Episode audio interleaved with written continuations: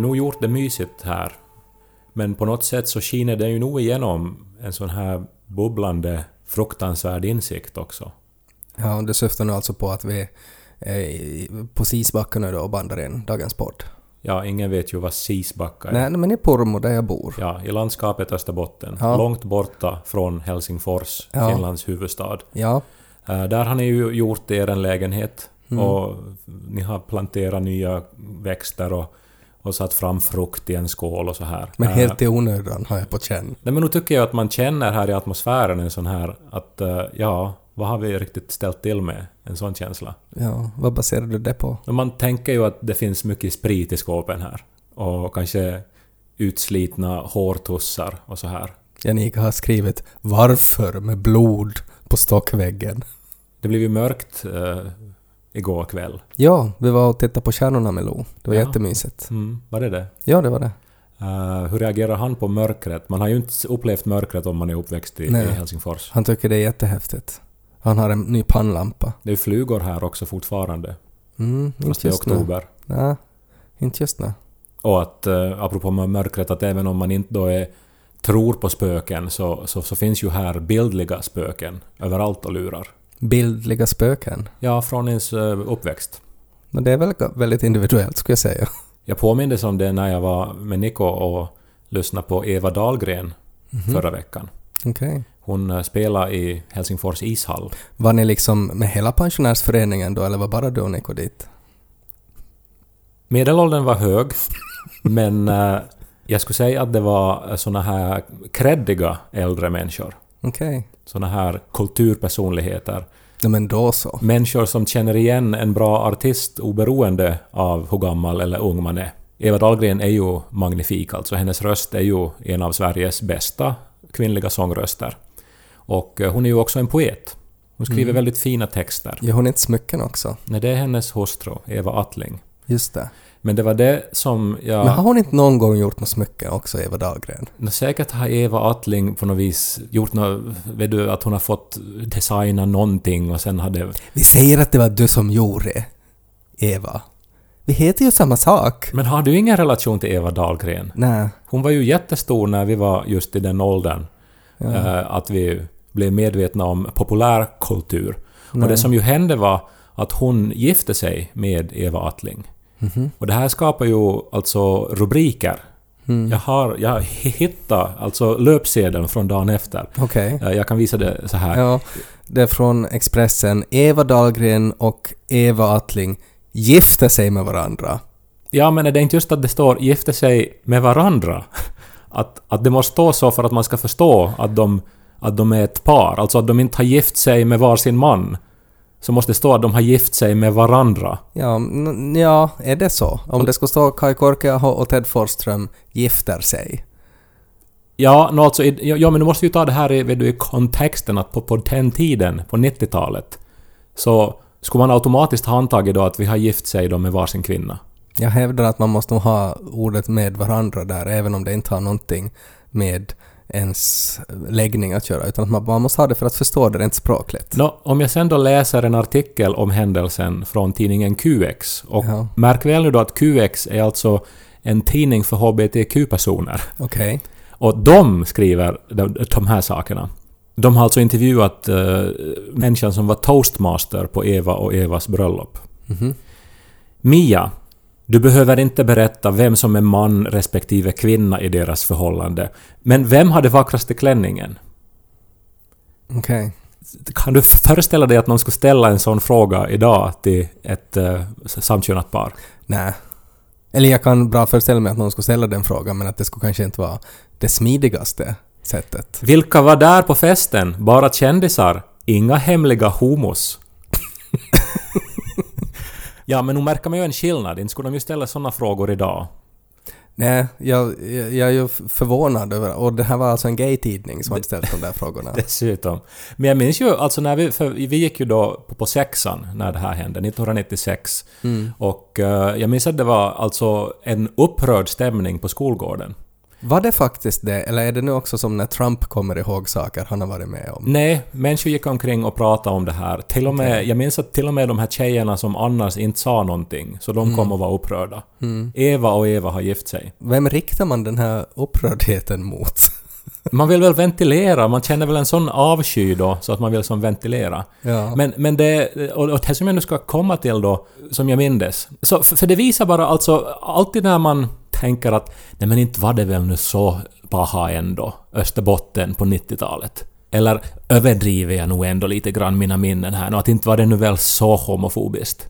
Inte var jag väl en sån idiot. Men det som jag och en kompis gjorde då uh, var att vi skrev en eh, uh, etnotechno-låt med homofobisk text där vi smädade Eva och Eva. Och så uppträdde vi med den Eh, i skolan och på olika evenemang runt om i byn. Okej. Eh, var det då alltså när folk gick omkring och var upprörda och var sådär att åh, kan inte någon skriva en etno-techno homofobisk låt nu så att vi kan på något sätt få ut den här aggressionen? Eller varifrån, alltså varför var det just du som skrev en sån låt? Och det är första frågan. Och andra frågan är vad är etno-techno? Det var inspirerat av eh, Nordman som var stor då. Minns du? Vandraren har ingenstans att gå. Den var till och med plagierad refrängen. Eva A och Eva D, ni kan alltid vända om, sjöng vi. Alltså att de skulle bli straight. Ja, ungefär. Men det var som vanligt techno på något sätt men att ni hade liksom så här stickade tröjor. För det hade väl Nordman? Nå, vi hade ju alltså, det här var ju inte vår enda låt, vi hade nog andra Mm. låtar också. Vi, vi skrev alltså låtar som på något vis tog avstamp i nyheterna. Mm. Så att inte var det som att nu ska vi liksom skriva en... eh, Det var inte som sådana här vanliga etnotechnogrupper utan att det hade ett starkt liksom nyhetsförankring nog, era låtar. Men jag, jag försöker ändå liksom på, på något vis försvara mig här. Men jag var ju Mm. ett barn. Men det var ju ett barn i en sekt också. Alltså det var ju, det här var ju en, en kristen kult. Nej, men jo, men då med. det var också medierna som behandlade det här Eva och Evas bröllop som någonting skandalöst och som någonting som var suspekt. Ja, men så var det ju på 90-talet. Ja, men man glömmer det lätt. Ja. Och men nu det- har du flyttat hit till den högborgen. Ja, men du kan ju inte sätta att, att, att 90-talet var Österbottens fel. Så var det ju inte, utan att det var ju... Så här var det ju överallt. Nå, inte i Stockholm där de Nej, gifte men sig. vad- var skrivs Expressen? I Stockholm? alltså det har ju att göra med att så här var 90-talet. Och du kan ju inte för att det var en fluga när du kom in hit idag så kan du ju inte koppla ihop allt det där till att det på något sätt har att göra med Österbotten. Du ser härjad ut Ted. Jag har känt dig i 20 år, aldrig sett dig så här härjad. Var en gång en Essebo och en Pormobo som till Åbo for till börja Radio Pleppo i lag som har valt i en podd idag. Hej! Snart kommer Ted och Kai, vi lyser med samma vi jagar haj. Till i fot så pop nu denna popcorn. Men inte fick vi ju så mycket kejkor utanför Esse med den här anti-Eva och Eva-sången. Men ni hade ändå kejkor. Alltså ni, ni uppträdde med den. Ja, vi uppträdde på, det var så här olika 4H-evenemang och, och, Mm. och i skolan. Jag tror till och med kanske på någon musiklektion så fick vi Men, uppträda. men hon var liksom... Alltså för jag känner inte till alltså den här gruppen då. alltså för, för ni var väl mest aktiva i Essie då och jag bodde ju här i Pormo då. men att, att hon, hon liksom... Att när ni spikades in, alltså att hur introducerades ni? Att, att var det då sådär att ja, ni har säkert läst mycket i nyheterna att det har varit mycket med Eva och Eva som har gift sig och uh, ge mig en stor applåd den här ena etnotechnogruppen. Ja, vi drömde ju om att bli storstjärnor. eh, Mm. Och eh, jag minns att vi liksom spelade in videos också när vi uh, mimade då. Men hoppades ni på något sätt också att det skulle bli mer så här bögskandaler så att ni skulle få liksom nya låtar att skriva om? Vi skrev ju som sagt nog om andra händelser också. Vi hade en låt som handlade om harpest också. För det var ju Ja. mycket nyheter om det också. Ja.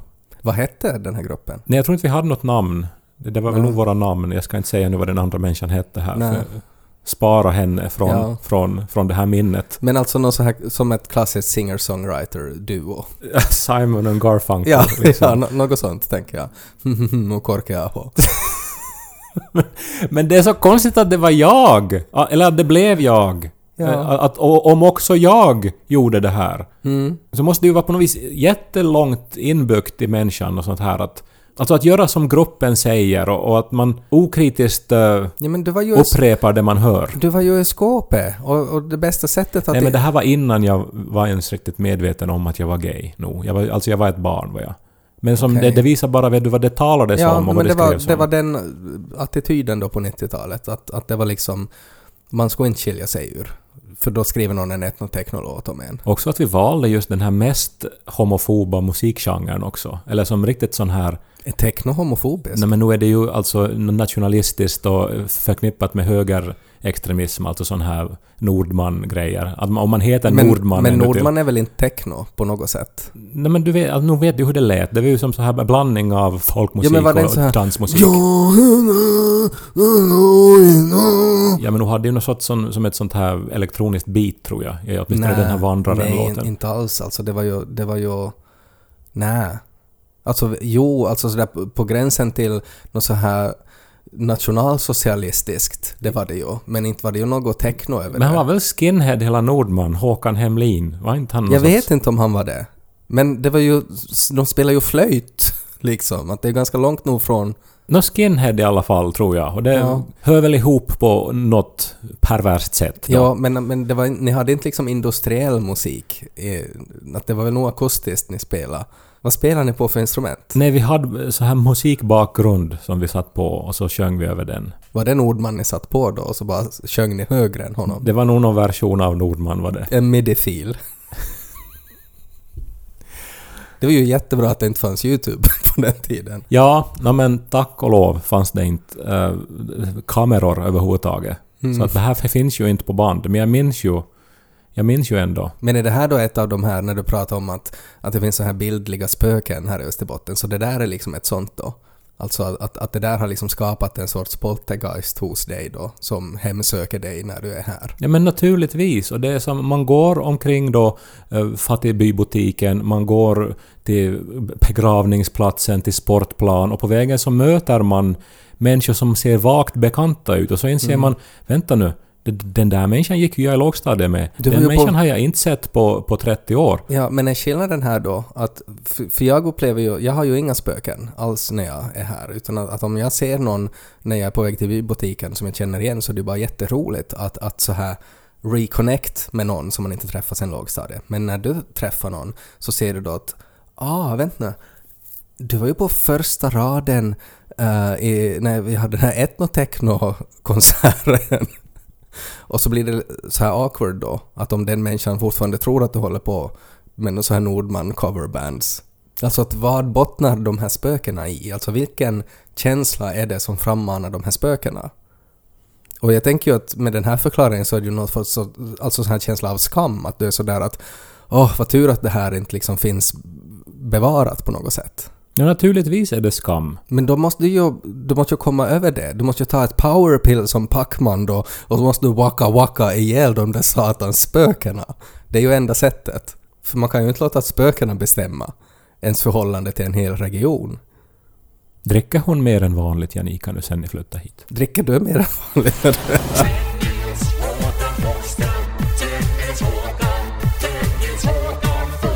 Jo, när du kommer hit på besök Mm. så kommer du ju inte ensam utan att du kommer ju med dina spöken som är liksom kopplad till hela på något sätt Österbotten.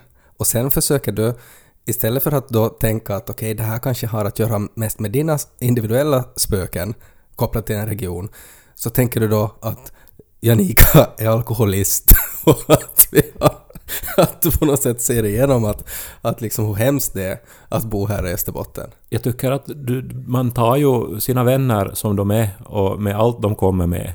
Om jag nu kommer med en busslast med spöken så inte Ja. kan du ju som... Nej, men äh, du får, du är väldigt välkommen med dina spöken. Alltså det, det, det är helt fine, men att då måste vi på något sätt behandla dem som att det är, det är liksom du som är Ghostbusters som kommer in här nu. Eller det är egentligen det är jag som är Ghostbusters, för du kommer med dina spöken. Men så försöker du sätta dem liksom på mig, eller som att de är allmängiltiga, och de är ju inte. Så att så länge vi kan prata om att det handlar om Kai Korkeahos spöken till Österbotten, då är det helt fine. Men jag tänker ju på barndomen som en film på något sätt. För det är så länge sedan sen. Och det var också en sån annan tid, alltså förstås för en själv att man var ju fysiskt mindre, ens hjärna var inte utvecklad och så vidare. Men eh, det är också som en tid innan internet och det är som en tid så radikalt annorlunda än än idag att den inte känns på något sätt verklig riktigt längre, utan just som en film, någonting Ja. som, som man såg för länge sedan. Mm, man har ett vagt minne av att jag har nog sett det här men att inte minns jag riktigt allt vad som hände. Men då när man då går omkring då i hembyn och så ser man de här... Nej men den där skådisen, den där pifiguren, han ser jättebekant ut. Han har blivit äldre. Alltså har han liksom existerat varje dag under mitt liv här och hållit på med sina egna saker. Mm. Alltså den där filmen... Tog aldrig slut. Eller var, jag, Du bara s- sluta se på den. såg nyligen en bild när Harrison Ford återförenades med Kiwi Kwan, eller hur det uttalas, alltså han som spelar Short Round i Indiana Jones. Och då hade ju Short Round blivit en medelålders man förstås. Och Ja. Harrison Ford är ju fortfarande sexy fast han är 150 år. Ja. Men i alla fall, alltså han har ju existerat och han har blivit... Min barndomsfilm har blivit medelålders. Så är det. Ja, men du, du har inga spöken överhuvudtaget. Jag tror att det handlar om ett perspektiv här.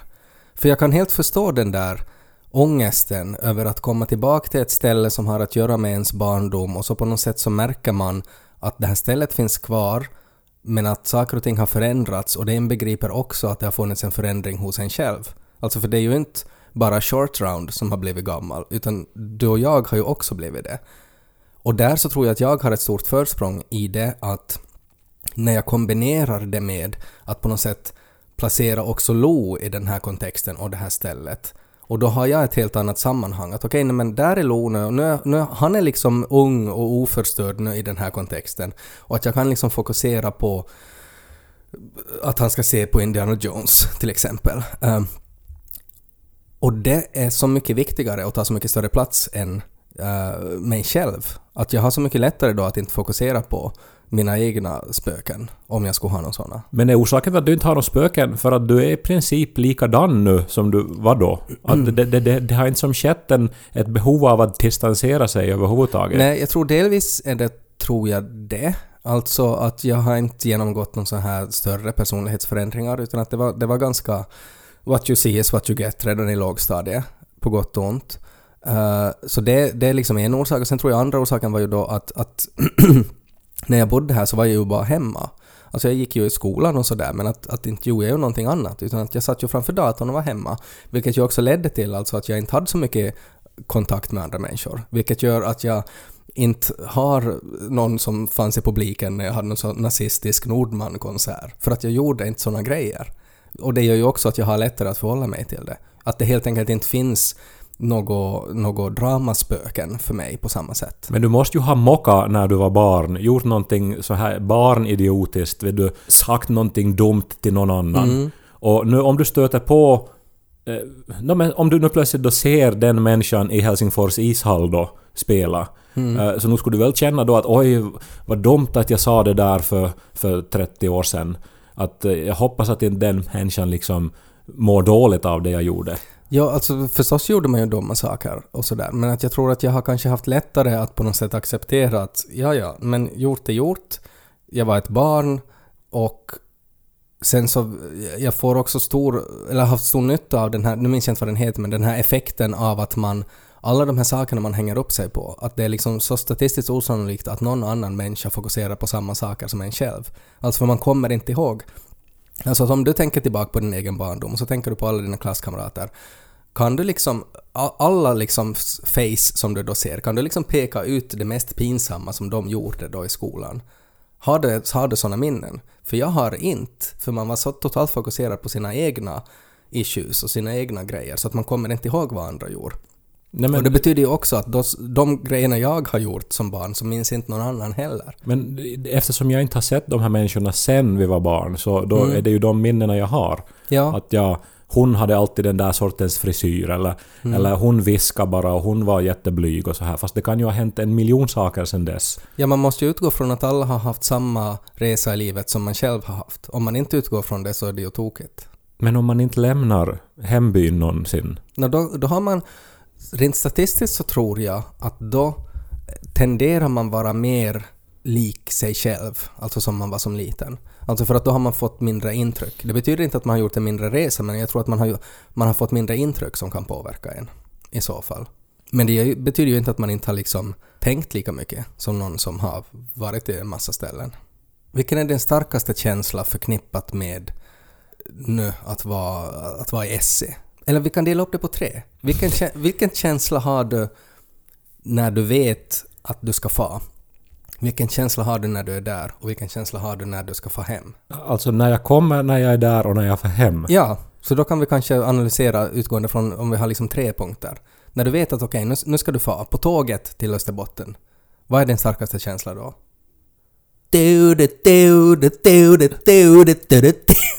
Who you gonna call?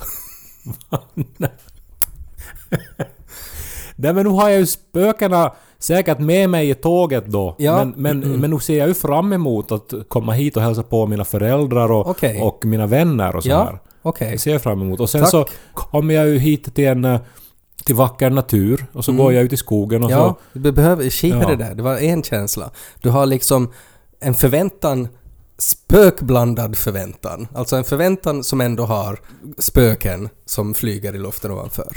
Och vad är känslan när du är här då? Nå att nu är det ju mycket spöken nu. Ja, så när du är här är det, är det mest bara att du ser spökena. Och sen när du far, vilken känsla brukar det då vara? Nå spökena kommer ju med mig. Men sen så... Glöms de bort lite? Du tar dina, dina urladdade spöken, tar du med dig från Helsingfors, du sätter in dem i väggen i SE, de får 100% akku och så tar du med dem till Helsingfors och så hålls de i liv ännu till Men vad, vad försöker du göra nu? Nej, jag försöker hjälpa dig! Du försöker prata bort din egen ångest Nej, över vart du har att- hamnat. För att du, det är sån projicering alltid när vi pratar om Österbotten sen jag flyttade hit, så att, att jag blir sådär att när ska vi behandla dina spöken kring det här? För det är ju det det handlar om. För jag trivs bra.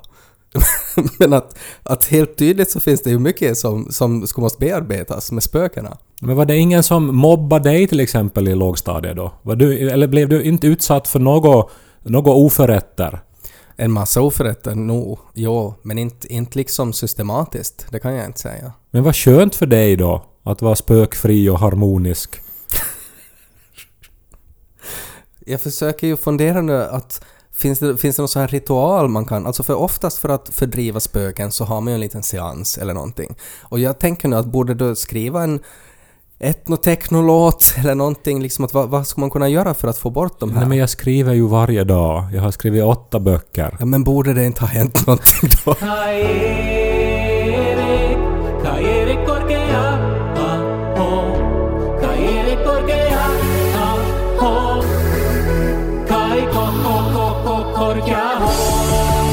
Efter den här Eva Dahlgren-konserten så, så var vi på restaurang också. En sån här fransk bistro. Som du Mm. kanske känner till? Nej, jag tänker det var säkert så här soppor och sådär. Alltså, Pardot heter den. Jag tänker att det var jobbigt med löständerna att tugga så att det måste vara någonting som man kan dricka i sig. Löständerna? Ja. Va- Varför skulle vi haft löständer? Nej men om resten av hela pensionärsföreningen efter konserten så får äta soppa. Sen gick vi på teater eh, dagen efter och såg på Själarnas ö. Mm. Eh, den här pjäsen baserad på Johanna Holmströms roman. Mm. Eh, strålande bra teater. Okej.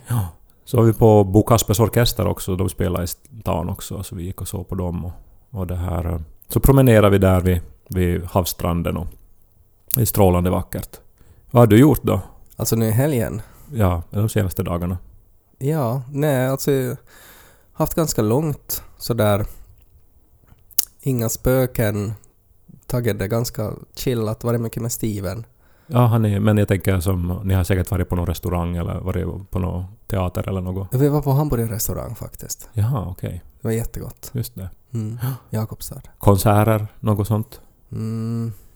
Ja. Nej men vänta, Ja. det, det finns väl inte riktigt något sånt? Nej, inte på samma sätt som Helsingfors inte. Nej, nej, nej. Nej. nej. Det finns det inte. Men det är ju bara en eh, fyra timmars tågresa och en hotellövernattning bort förstås. Ja, och, och det, det förhöjer ju. Alltså att om man ska på Bo Kaspers så redan det är ju jättekul. Men att om man kombinerar det med hotellfrukost och så här lite en mysig bilsemester på tu man hand och sådär. Så det, ja. Nej men ni har nog ordnat det fint här. Det är en perfekt kuliss skulle jag säga. det är ju bara tillfälligt. Vi, ska ju, vi har ju tänkt att vi ska, vi ska bygga hus, har vi ju tänkt. Men att vi hyr nu och det är riktigt fint. Men att det är ju nog, jag skulle nog inte kalla det en kuliss, utan att, att vi bor ju nog här. Är det plastväxter? Nej, det är nog det är äkta växter. Men vi har måste flytta många till vässan nu för att Steven eh, har utmaningar när det kommer till växter. Säg bara att Steven har ju ett enormt ansvar sen att kompensera du, för allt det som ni ju går miste om. Jo, inte han ju själarnas ö inte, men att han kan ju nog driva en till vansinne. Oj, oj, oj. Nej, men han är ju på riktigt helt hysterisk så att det tar ju, det inte hinner man ju med så mycket Bo Kaspers när man har en kattunge. Så är det ju. Men kan inte vi döda ett spöke idag? Alltså att om vi, det skulle kunna vara vår nya grej, att när du kommer hit, vi bandar en podd och så dödar vi ett spöke. För det liksom, alla behöver inte liksom göra så, men det känns ju som att det här Eva Attling, etnoteknospöket, skulle kanske vara det som skulle vara lättast nu på något sätt att bocka av. Nu har du varit på konsert, vi har pratat om det i podden. Ja, no, men kan du nu då på något vis agera någon sorts eh, ceremonimästare här nu då? För att nu förstår jag ju själv att det där är preskriberat. Mm. Att om jag gjorde någonting 1996 när jag var 13 år eller något. Mm. Och det var 90-talet och det var median och din singer-songwriter-kompis som pushar på att ni behöver nytt material. Publiken väntar. Så kanske det kan nu då idag anses vara förlåtet och glömt. Ja, Är det så? ja det är så. För nu tar jag det här spöket och så tar jag det här och så lägger jag det här på bordet. Jag sätter det på rygg. Jag pajar det, jag stryker på det. Sätter händerna över bröstet och så gör jag så här. Oj, Och så bara strittar det ut ektoplasma överallt. Men nu finns det inte mer. Nu är det bara en skvätt kvar och en livrädd katt som stirrar på mig. Men nu funkar det. Nu är det där spöket borta. Vad är det hon säger, hon den där kvinnan i Poltergeist? This house is clean. Jag ser nu också när du slår i bordet att det är en massa märken. Är det så här klösmärken från, som Janika har gjort, eller vad är det? Liksom sitter här och äter frukost och håller i för livet, brinnkära livet.